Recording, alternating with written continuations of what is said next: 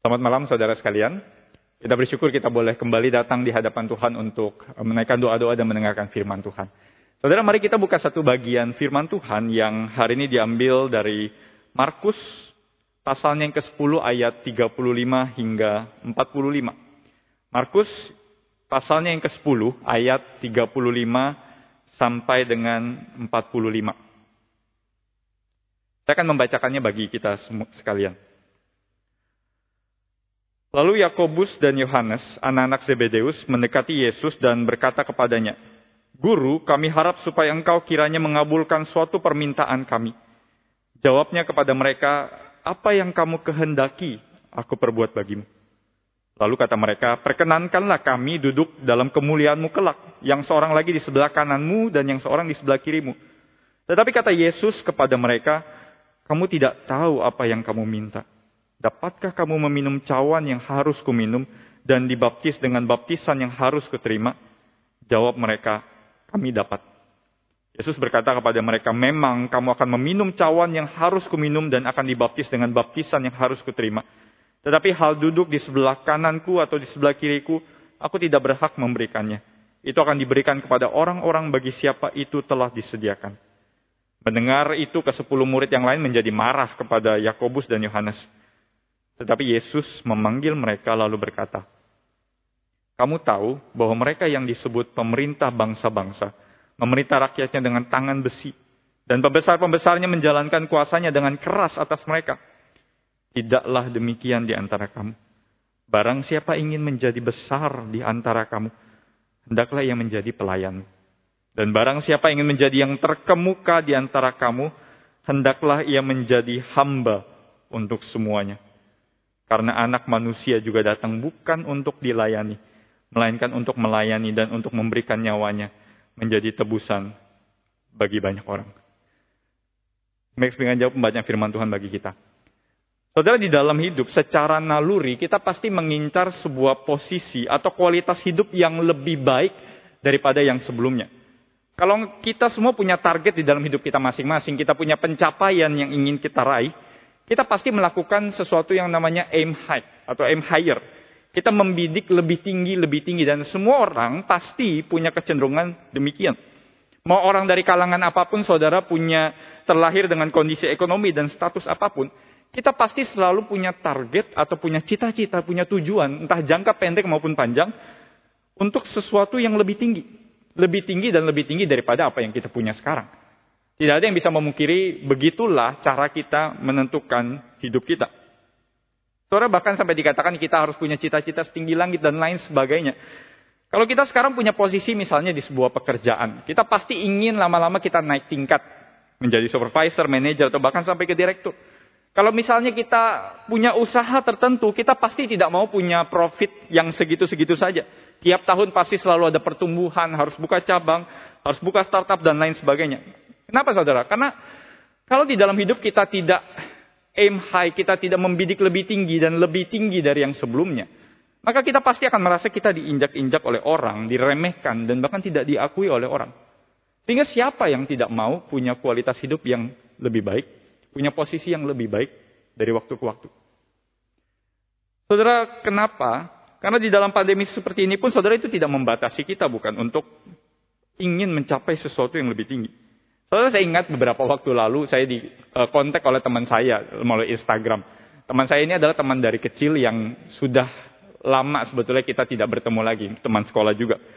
Terus saya ingat beberapa waktu lalu dia tiba-tiba kontak saya dan ya seperti biasa nanya kabar gitu. Saya sekarang ngapain, di mana dan lain sebagainya. Saudara, uh, dia cerita sedikit demi sedikit dia sekarang sedang kerja di satu posisi tertentu dan dia uh, menawarkan sesuatu kepada saya, saudara. Setelah dia menawarkan sebuah uh, tim begitu atau sebuah uh, usaha dalam tanda kutip gitu untuk mendapatkan passive income sehingga saya tidak perlu uh, saya bisa mendapatkan penghasilan tambahan. So saya terkejut saudara dia tahu saya menjadi hamba Tuhan di gereja tetapi dia juga menawarkan seperti itu kepada saya. Untuk mendapatkan passive income dan lain sebagainya. Tentu apa yang ditawarkan saudara? Yang ditawarkan adalah lama-lama dan itu mungkin banyak digeluti oleh banyak orang sekarang ini. Lama-lama kita harus punya kebebasan finansial.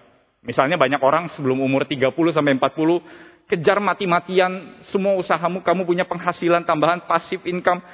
Sampai kamu nanti tiga, umur 30 dan 40, kamu tinggal ongkang-ongkang kaki istilahnya saudara. Kamu tidak perlu usaha lagi, uang yang datang kepadamu. Kamu bebas melakukan apa yang kamu mau. Terus sebenarnya apa yang sedang dicari? Yang sedang dicari sebetulnya bukan masalah uang, saudara. Tapi masalah freedom, kebebasan. Kenapa? Karena ketika kita punya uang, atau kita punya privilege, atau kita punya kuasa tertentu, atau posisi tertentu, maka itu berarti kita punya kebebasan untuk melakukan lebih daripada orang lain. Orang yang keuangannya terbatas, dia akan terikat oleh banyak hal. Sehingga dia tidak bisa melakukan sebebas-bebasnya apa yang dia mau. Orang yang punya jabatan yang lebih tinggi pasti bisa melakukan yang lebih bebas karena dia punya kuasa. Soalnya yang orang inginkan sebetulnya bukan hanya masalah uang, tapi masalah freedom, kebebasan. Yang saya tidak perlu diatur oleh orang, saya bisa mengatur apa pun yang saya mau. Saudara, bukankah itu yang setiap orang impikan? Dan bukankah saudara itu cara dunia bekerja, cara dunia beroperasi dan bekerja sekarang? Logikanya adalah seperti itu saudara. Tapi celakanya saudara sering kali mungkin cara seperti inilah atau mental seperti inilah yang kita bawa ketika kita bicara soal hidup di hadapan Tuhan. Hidup di dalam kerajaan Allah dan melayani Tuhan. Kita sering kali merasa orang yang lebih layak untuk melayani adalah orang yang sudah memberikan banyak buat Tuhan. Orang yang layak untuk melayani adalah orang yang diberkati oleh Tuhan, punya posisi yang tinggi, mungkin punya kuasa, punya pengaruh, dan merasa diberkati oleh Tuhan, saudara. Akhirnya banyak orang mungkin seperti yang tadi dikatakan tidak mau terjun dalam pelayanan karena merasa tidak layak, tidak mampu, tidak punya apa-apa. Soalnya cara pikir seperti ini adalah sering kali mungkin kita merasa saya tidak ada apa-apanya, maka saya tidak melayani. Atau kita di sisi yang lain, kita merasa kita punya banyak, memberi banyak, dan kita meremehkan orang lain yang tidak melayani atau belum melayani karena tidak punya kapasitas seperti kita. So, sering kali di dalam cara kita bergereja dan di dalam cara kita melayani, kita punya cara yang demikian. padahal kalau kita baca di dalam perikop ini, maka rumus ini dalam tanda kutip itu berlaku sebaliknya, saudara. Ketika kita mengikuti Yesus, uniknya Yesus itu selalu menjadi dalam tanda kutip skandal, saudara. Yesus itu sering disebut skandal karena dia bukan hanya skandal bagi orang-orang yang tidak percaya, orang-orang yang tidak mengenal dia, tetapi skandal juga bagi orang-orang yang mengenal dia. Yesus ini selalu membuat kaget, saudara. Kenapa? Karena kalau kita baca di dalam Markus 10 ini, itu konteksnya adalah mereka sedang ada dalam perjalanan terakhir. Yesus dan murid-muridnya ke Yerusalem. Ini adalah perjalanan terakhir mereka. Kita tahu kalau kita baca Injil, perjalanan ke Yerusalem yang terakhir itu artinya apa. Tetapi para murid itu mungkin punya pengetahuan yang berbeda, saudara.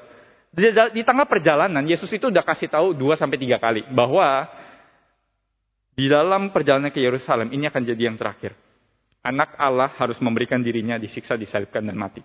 Yesus sudah katakan itu sedikit-sedikit kasih spoiler saudara di 2 sampai 3 kali di dalam perjalanan mereka. Kenapa? Karena ekspektasi para murid sampai dengan saat itu di perjalanan, ketika mereka dengan Yesus ke Yerusalem, yang ada di benak mereka bukan itu, saudara. Yang ada di benak mereka pasti adalah sebuah cara masuk Yesus yang dramatis ke Yerusalem, pusat kota Allah, dan Yesus akan merebut kembali segala kejayaan Israel seperti pada masa tahta Daud. Dan Yesus akan meninggikan kembali tahta Daud, menjalankan kembali pemerintahan Allah dan membebaskan mereka dari penjajah kafir. Saudara, kalau para murid itu bisa bayangkan, itulah yang mereka bayangkan ketika mau masuk Yerusalem. Ketika dalam perjalanan ke Yerusalem. Dan saudara bisa bayangkan apa yang para murid harapkan dengan ikut Mesias yang seperti itu. Tentu mereka akan merasa, saya ikut Mesias yang seperti ini dari dulu, pasti akan saya dapat kehormatan yang sangat-sangat besar. Dan nama mereka pasti tercatat di dalam sejarah. Saudara, para murid ini sudah melihat segala mujizat, kehebatan, kebijaksanaan Yesus. Ketika mereka tahu Yesus sering ngomong, tiba-tiba ngomong, aku harus menderita, aku harus mati. Saudara, tentu mereka kaget.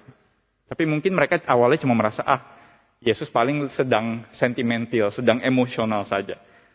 Mungkin pertama kali Yesus ngomong, aku harus mati, aku harus melayani, aku harus direndahkan.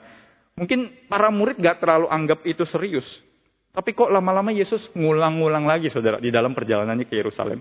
Dan di bagian ini juga diulang-ulang lagi. Rasanya ada yang gak beres. Dan para murid mungkin sudah mulai bisa merasakan hal itu saudara.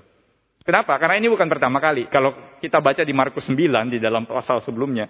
Di perjalanan itu para murid sedang mempertengkarkan siapa yang terbesar di antara mereka. Siapa yang paling hebat, siapa yang paling terbesar. Nah ini mirip dengan yang ada di perikop ini. Bahkan Petrus juga di perikop sebelumnya, saudara, dua perikop sebelumnya, dia berkata tanya kepada Yesus, Tuhan kami sudah memberikan segala-galanya, meninggalkan segala-galanya, upah apa yang kami dapat? Kita bisa bayangkan ya, semua pikiran para murid sebenarnya kurang lebih sama, saudara. Kenapa? Karena mereka berharap Yesus akan memberikan tempat yang spesial buat mereka ketika masa kejayaan nanti. Nah, saudara rupanya keresahan inilah yang di dalam ayat-ayat yang kita baca itu ditonjolkan oleh kali ini bukan oleh Petrus tapi oleh Yohanes dan Yakobus. Mereka mau dalam tanda kutip cek ombak lagi saudara. Mereka mau cek ombak lagi benar nggak sih Yesus ngomong yang benar apa? Benar nggak sih sesuai ekspektasi saya? Nah kali ini mereka berbicara dengan lebih terang-terangan saudara. Karena mungkin mereka pengen jawaban yang lebih jelas dari Yesus. Makanya mereka tanya jawaban yang sangat-sangat frontal. Sangat-sangat konfrontatif kepada Yesus. Mereka tanya dengan sangat jelas. Mereka udah bukan tanya-tanya sedikit-sedikit saudara. Supaya mereka takutnya salah. Gitu. Tapi kali ini mereka tanya dengan lebih jelas. Mereka minta kepada Yesus. Tuhan, perkenankanlah kami duduk dalam kemuliaanmu. Yang seorang sebelah kiri dan yang lain di sebelah kanan. Saudara bisa bayangin ini permintaan yang sangat luar biasa. Makanya abis itu para murid marah yang lain. Kenapa? Karena mereka mau juga saudara. Karena bukan itu bukan tempatmu, itu tempatku. Mereka masih mempertengkarkan siapa yang paling hebat dan paling besar di antara mereka. Saudara, kenapa kiri dan kanan? Soal kiri dan kanan itu adalah kalau di dalam posisi strategis pemerintahan pada saat itu, itu mungkin adalah penasehat atau orang-orang yang dianggap terhormat. Itu pasti selalu ada di kiri dan di kanan seorang raja. Atau ini bisa juga merujuk kepada perjamuan makan besar raja, perjamuan mesianik. Jadi orang Yahudi percaya di akhir zaman ada perjamuan mesias yang begitu besar. Dan mereka yang duduk di sebelah kiri dan kanan tuan rumah atau raja mesias. Itu adalah orang yang paling terhormat. Saudara, bagi mereka, inilah yang mereka bayangkan. Bukankah keren juga saudara? Kalau ada foto mereka dipajang di sejarah Israel. Ada nama mereka tercatat di sejarah Israel Terus bahkan mereka sampai berkata, kami bisa meminum cawan dan dibaptis dengan baptisan yang harus engkau terima. Mereka tidak mengerti, saudara. Mereka tidak mengerti.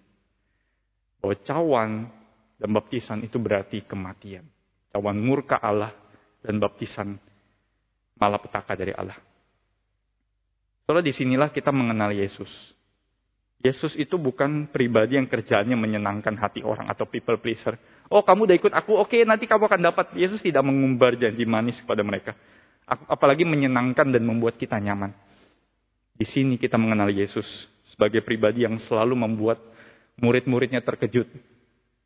Saudara penulis Injil menulis ini supaya membuat shock terapi bagi para murid bagi setiap orang yang membaca termasuk kita.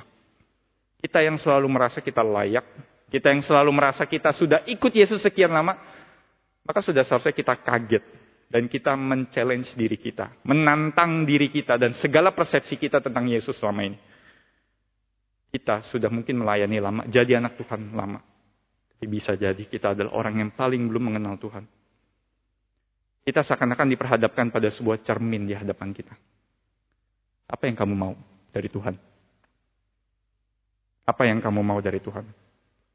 Saudara, makanya Yesus bilang kepada mereka, kamu tidak tahu apa yang kamu minta. Kamu tidak tahu apa yang kamu minta. Saudara John Calvin berkata, kisah ini sebetulnya menjadi cerminan yang jelas akan kefanaan manusia. Kenapa? Karena ia menunjukkan bahwa gairah yang tepat dan kudus bagi Allah pun sering kali ditemani oleh ambisi.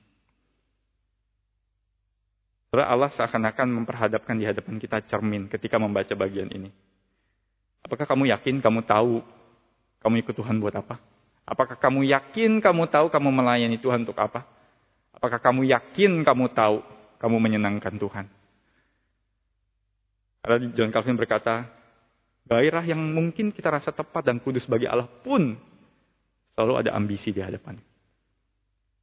sehingga bagi kita, kita harus menantang diri kita ketika kita membaca Injil. Itulah Injil. Kita harus ditantang sebagai murid. Apakah ini yang betul-betul kamu mau? Dan apakah ini yang betul-betul Tuhan inginkan? Kenapa, saudara? Karena cara kerja kerajaan Allah tidak seperti dunia ini. Rumus dari kerajaan Allah adalah kerajaan yang terbalik. Artinya apa, saudara? Saudara mau naik di kerajaan Allah, di kerajaan Allah, cara yang terbaik untuk naik adalah dengan turun. Soal ini adalah sebuah paradoks mungkin ya. The best way to go up is by going down. Di kerajaan Allah, saudara, cara terbaik kita mendapatkan tempat yang terbaik itu bukan dengan naik. Bukan dengan punya posisi yang hebat. Bukan dengan punya privilege. Bukan dengan kita paling mahir melayani Tuhan. Atau paling dipandang oleh orang. Tapi Yesus memberikan satu rumus yang menjadi teguran buat setiap kita. Cara terbaik untuk naik bukan dengan kamu climbing up. Bukan dengan kamu menjadi yang paling tinggi. Justru adalah dengan kamu turun. Sebenarnya hal yang tidak mudah. Kenapa? Karena Yesus sedang membandingkan dua cara. Yesus berkata, kamu tahu, pembesar-pembesar dan pemerintah menjalankan pemerintah dengan tangan besi. Dia menjalankan kuasanya, dia memerintahkan orang-orang dengan gampang kalau nggak bisa dihajar atau dihukum dan lain sebagainya. Tapi di kerajaan Allah, kamu yang mau jadi yang terbesar bukan menggunakan kuasa. Sebaliknya, kamu menjadi terbesar dengan melayani. Saudara, posisi tertinggi di dalam kerajaan Allah bukanlah mereka yang bisa memerintah, punya kuasa. Di sini kalau kita baca, Yesus berulang kali menunjukkan pelayan dan hamba. Itu dua kata yang berbeda, tapi punya nuansa yang mirip-mirip, saudara. Diakonos dan dulos. Artinya apa? Artinya diakonos itu biasanya orang-orang yang melayani di meja. Artinya kalau ada tamu datang, ada perjamuan, dia orang yang standby, selalu menunggu di dekat meja kalau-kalau ada yang kurang, atau ada-ada yang butuh diisi minumannya, atau yang butuh dibawakan makanan lagi. Itu diakonos, saudara. Ataupun dulos bahkan, budak yang jadi properti tuannya. Budak yang tidak punya hak untuk merdeka, tidak punya apa pun. Selain dia jadi properti atau barang. Kalau coba bayangkan para murid yang punya bayangan, mereka duduk di meja sama-sama Tuhan Yesus dan dilayani oleh orang-orang. Sekarang dibalik sama Tuhan Yesus, mereka justru adalah orang yang harus melayani jadi hamba, jadi pelayan dan bahkan jadi budak. Di dalam kerajaan Allah, saudara, piramida hierarkinya itu dibalik. Bukankah kalau demikian kita seharusnya malu karena kita merasa sering kali kita layak melayani Tuhan. Karena segala prestasi yang kita punya. Atau bahkan segala sesuatu yang kita punya di sekitar kita, di sekeliling kita. Dan segala sesuatu yang kita telah lakukan buat Tuhan. Tapi Yesus berkata, yang paling tinggi posisinya, kamu harus berlomba-lomba bukan climbing up. Yang paling tinggi posisinya justru adalah orang yang paling bisa merendahkan dirinya, sadar diri, jadi hamba, jadi pelayan. Soalnya ini tidak mudah di tengah dunia yang punya kualifikasi tertentu. Saudara kalau saudara mau jadi petinggi satu perusahaan atau kalau saudara mau punya satu usaha yang hebat, saudara mungkin harus punya kualifikasi tertentu bukan? Kita mau melamar kerja jadi posisi yang tinggi, tentu kita harus punya CV yang hebat. Tapi justru di dalam kerajaan Allah itu tidak berarti. Saudara Martin Luther King Jr. pernah berkata bahwa justru setiap orang di sini bisa jadi posisi yang tertinggi karena setiap orang seharusnya bisa melayani. Dia berkata bahwa Anda tidak memerlukan gelar kuliah untuk melayani. Anda tidak perlu tahu tentang Plato dan Aristoteles. Anda tidak perlu tahu tentang teori relativitas Einstein. Anda tidak perlu tahu tentang hukum kedua termodinamika. Anda hanya memerlukan hati yang penuh kasih. Jiwa yang digerakkan oleh kasih. Saudara, inilah menariknya. Inilah berbedanya kerajaan Allah dengan dunia yang melayani justru bukan orang yang terlihat hebat. Yang paling tinggi justru ada orang yang paling bisa tidak terlihat mungkin. Orang yang paling bisa melayani. Orang yang paling merendahkan diri bahkan mengambil tempat yang orang lain tidak mau. Saudara itulah orang tertinggi dalam kerajaan Allah. Dan saya sadar saudara, sulit sekali melakukan bagian ini. Sulit sekali. Saudara apalagi mungkin dengan gereja, dengan kapasitas yang besar seperti kita. So, saya merenungkan sekali bagian ini dan saya bertanya-tanya, saudara. Terutama di dalam satu bagian yang Yesus sampaikan di dalam bagian ini. Menjadi hamba bagi semuanya. Menjadi hamba bagi semuanya. Saudara tahu apa artinya ini? Saudara ini membuat saya sebetulnya tertegun, saudara. Karena saya sadar, saya pun sulit sekali melakukan ini. Sulit sekali melakukan ini. Kita semua mau kehormatan, kita semua mau posisi. Tapi ketika kita ikut Yesus, kita bukan jadi hamba Tuhan saja. Saya bukan hanya seorang hamba Tuhan. Kalau hamba Tuhan mungkin saya bisa dikenal oleh orang, saya mungkin lebih gampang dapat posisi dan lain sebagainya. Tapi menjadi hamba bagi semuanya, itu artinya menjadi hamba bagi semua orang. So, saya, saya sendiri tidak yakin saya bisa melakukan itu. Bertemu dengan orang-orang siapa pun itu saya menjadi hamba bagi mereka. Dan itulah yang dimau oleh kerajaan Allah. Saudara, bisakah engkau dan saya melakukan ini? Saya rasa sangat-sangat sulit Sangat-sangat sulit. Yang saya bergumul ketika merenungkan bagian ini, saudara. Perlu kita tanyakan ketika kita punya gereja dengan kapasitas yang besar seperti ini. Apakah betul kita sudah menjadi hamba bagi yang lain? Apakah betul kita sudah menjadi hamba, pelayan bagi semuanya? Kenapa saudara? Karena dijawab di dalam bagian ini. Engkau harus menjadi hamba bagi semuanya. Karena karena anak manusia datang bukan untuk dilayani, melainkan untuk melayani dan untuk memberikan nyawanya menjadi tebusan bagi banyak orang. Markus 10 ayat 45. Saudara menjadi hamba bagi semuanya.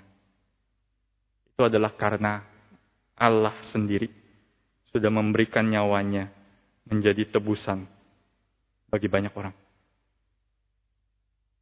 Kalau ketika membaca bagian ini saya terharu, saudara. Kenapa? Karena ini sangat-sangat sulit dilakukan, tetapi kita punya teladan yang sangat luar biasa, yaitu Allah kita. Saudara, sering kali kalau kita bicara soal beban, kita bicara soal apa? Kita sering kali bilang pelayanan itu sebuah beban. Beban pelayanan kamu di mana? Kamu punya beban pelayanan di mana? Terus saya diingatkan oleh seorang pendeta eh, bahwa pelayanan itu, kalau kita sebut beban, itu sebenarnya terlalu remeh. Pandangan kita soal beban itu terlalu remeh. Itu sering kali kita pakai untuk menutupi apa yang kita mau. Saya mau melayani di sini, maka saya bilang itu beban. Saya bilang ini beban, padahal itu sebenarnya tidak terlalu memberatkan saya, makanya saya pilih ini beban. Terus sering kali kalau kita menggunakan kata beban, kita menggunakannya karena kita rasa itu ringan bagi kita. Itu harganya kecil bagi kita ketika kita melayani. Saudara, kalau boleh jujur, kita membayar terlalu murah untuk menjadi orang Kristen. Kita membayar terlalu murah untuk melayani. Saudara, tahukah kita?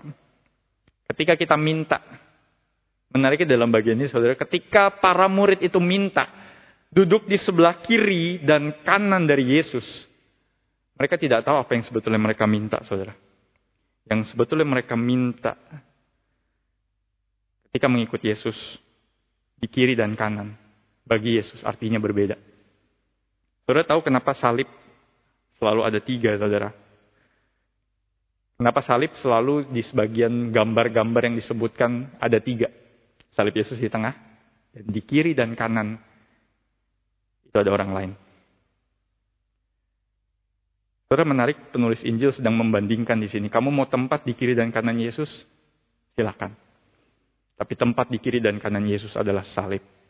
Bukan posisi, bukan jabatan, bukan kuasa, bukan kehormatan. Kamu mau ambil?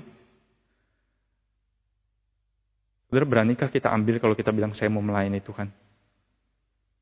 Posisi di kiri dan kanan Yesus sebetulnya, penulis Injil bandingkan. Bukan kehormatan, tetapi salib. Kita disalibkan bersama dengan Yesus. Saudara, apakah itu harga yang bisa kita bayar? Bagi engkau dan saya yang sudah pelayanan sekian lama, saya pikir bagian ini bisa menantang kita sekali lagi. Betulkah itu yang saya minta ketika saya melayani Tuhan? Betulkah itu yang saya cari ketika saya betul-betul melayani Tuhan, sungguh-sungguh datang dan saya sudah sekian lama melayani Tuhan? Apakah betul itu yang saya minta dari Tuhan? Ataukah sebetulnya saya masih meminta kehormatan, saya masih, masih meminta harga yang begitu murah ketika saya melayani dan saya tidak mau membayar harga. Bagi saudara yang mungkin sampai sekarang masih tidak merasa tidak layak melayani atau bahkan enggan untuk melayani. Kalau Yesus berkata anak manusia datang bukan untuk dilayani, melainkan untuk melayani dan memberikan nyawanya menjadi tebusan bagi banyak orang. Saudara, kalau orang yang kita ikuti, Tuhan yang kita ikuti adalah Tuhan yang melayani. Maka saya pikir kita seharusnya malu Malu karena kita begitu degil, kita begitu punya ambisi yang begitu besar ketika ikut Tuhan padahal kita sama sekali tidak mau membayar harga. Ketika kita hari ini merenungkan freedom to serve God humbly. Sebetulnya orang yang bisa paling bebas melayani Tuhan itu bukan orang yang paling punya kekuasaan. Orang yang paling punya posisi sehingga bisa melakukan segala sesuatu untuk melayani orang yang punya kebebasan paling bebas untuk melayani adalah orang yang menjadikan dirinya hamba dari Kristus. Saudara, bukan Tuhan yang butuh pelayanan kita. Tuhan tidak pernah butuh pelayanan kita. Kita sebetulnya yang butuh pelayanan. Kita yang butuh untuk melayani. Karena itu kehormatan terbesar untuk bisa menyenangkan Tuhan. Karena itu kehormatan terbesar bagi Tuhan yang sudah menghamba bagi kita. Karena pelayanan itu berarti menempatkan kita kepada identitas yang sesungguhnya. Ketika kita melayani Tuhan, kamu bukan juga hamba. Kamu adalah sahabat yang mengasihi Yesus dengan bebas. Dan saudara inilah berita baiknya. Orang yang bisa menjadi hamba dan memberikan segala-galanya justru ironisnya adalah orang yang paling bebas. Karena dia adalah orang yang sudah dimerdekakan bagi Kristus, oleh Kristus. Orang yang bisa menghambakan dirinya pada Kristus justru adalah orang yang paling bebas di atas segala-galanya. Karena dia tidak lagi terikat oleh apa yang dunia tawarkan. Karena dia tidak lagi terikat oleh apa yang dia miliki. Tetapi dia hanya terikat kepada Kristus. Yang dia senangkan setiap hari, setiap waktu. Itulah kesukaan dan sukacita terbesar. Saudara, apakah kita betul-betul datang di hadapan Tuhan dan kita minta Tuhan Apakah saya sudah betul-betul melayani Tuhan dengan bebas? Atau ketika melayani Tuhan saya masih terikat oleh kekuasaan saya, privilege saya, kehebatan saya, dan saya tidak mau bayar harga buat Tuhan. Soal di dalam perikop ini, Yesus ada pertanyaan buat murid-murid. Yesus bertanya, apa yang kamu kehendaki aku perbuat bagimu? Ketika Yohanes dan Yakobus datang, kami punya permintaan dan Yesus tanya, apa yang kamu kehendaki aku perbuat bagimu? Pertanyaan yang persis sama. Itu dilontarkan setelah perikop ini. Yaitu ketika Yesus menyembuhkan seorang yang buta bernama Bartimeus. Pertanyaannya persis sama, saudara. Tetapi jawabannya berbeda. Murid yang selama ini dekat dengan Yesus, itu bisa berkata dengan sombongnya. Perkenankanlah kami punya posisi di kiri dan kanan. Tapi Bartimeus seorang buta yang tidak punya apa-apa, yang tidak bisa apa-apa, dia hanya minta satu hal guru supaya aku dapat melihat. Orang yang buta tahu jelas apa yang dia butuhkan. Dan tahu jelas bahwa dia butuh untuk melihat Yesus juga. Dibandingkan dengan para murid yang selalu bersama-sama dengan dia, tapi tidak tahu apa yang mereka minta. Saudara kita perlu datang di hadapan Tuhan dan memikirkan kembali, apakah saya betul-betul bisa dikatakan pelayan? Apakah saya betul-betul bisa dikatakan hamba bagi semuanya? Seperti yang Yesus katakan. Mari kita berdoa dan kita datang di hadapan Tuhan.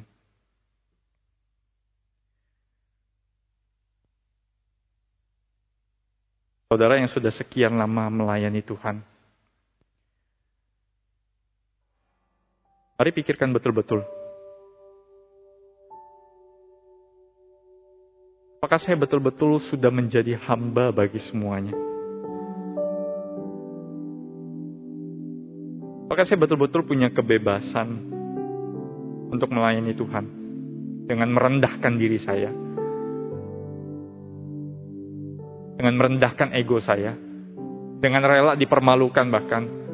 Dengan tidak memikirkan jabatan saya, tidak memikirkan kuasa saya, tetapi menjadi hamba bagi semuanya.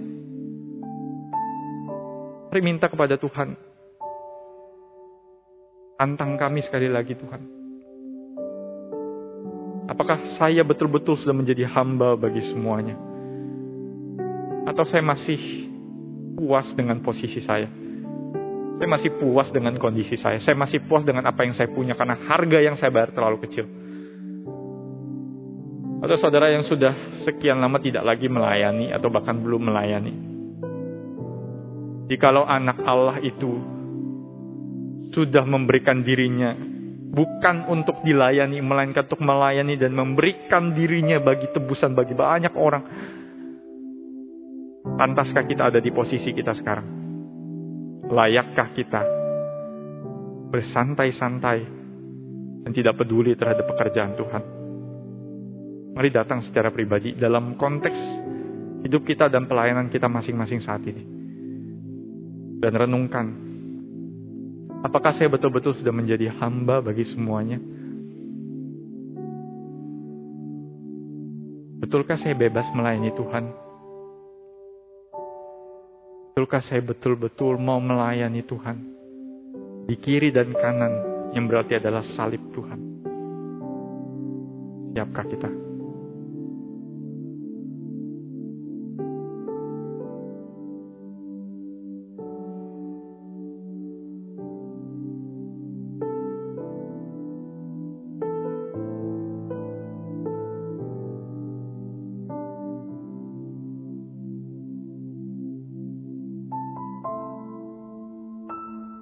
Tuhan kami sadar kami terlalu tidak layak. Seberapapun yang sudah kami berikan buat Tuhan, seberapapun pelayanan kami yang sudah dilihat oleh begitu banyak orang, seberapapun posisi yang sudah kami miliki dalam pelayanan Tuhan, itu semua tidak pernah akan bisa memuaskan Engkau. Jika kami belum menjadi hamba, pelayan bagi semuanya. Tuhan ampuni kami ya Tuhan kalau selama ini kami melihat pelayanan terlalu remeh, terlalu kecil. Sehingga kami merasa kami bisa memanipulasi Tuhan dengan apa yang kami bisa lakukan dan apa yang kami miliki buat Tuhan. Tetapi kami sadar ya Tuhan teladanmu terlalu sempurna. Kau memberikan dirimu melayani. Dan seharusnya kami malu ya Tuhan. Kami mungkin punya title pelayan. Kami mungkin dianggap seorang pelayan Tuhan oleh orang-orang sekitar kami. Tetapi harga yang kami bayar masih terlalu kecil. Kami belum betul-betul menjadi hamba. Tuhan kami minta Engkau rendahkan hati kami sekali lagi. Rendahkan bahkan diri kami ya Tuhan.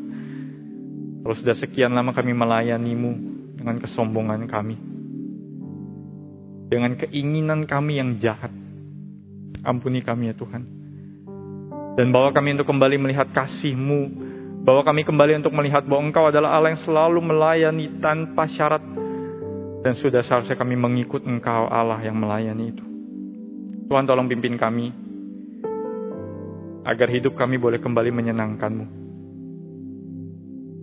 Agar pelayanan kami boleh sungguh-sungguh berkenan di hadapan-Mu. Dan kami boleh menjadi murid-murid-Mu yang sejati.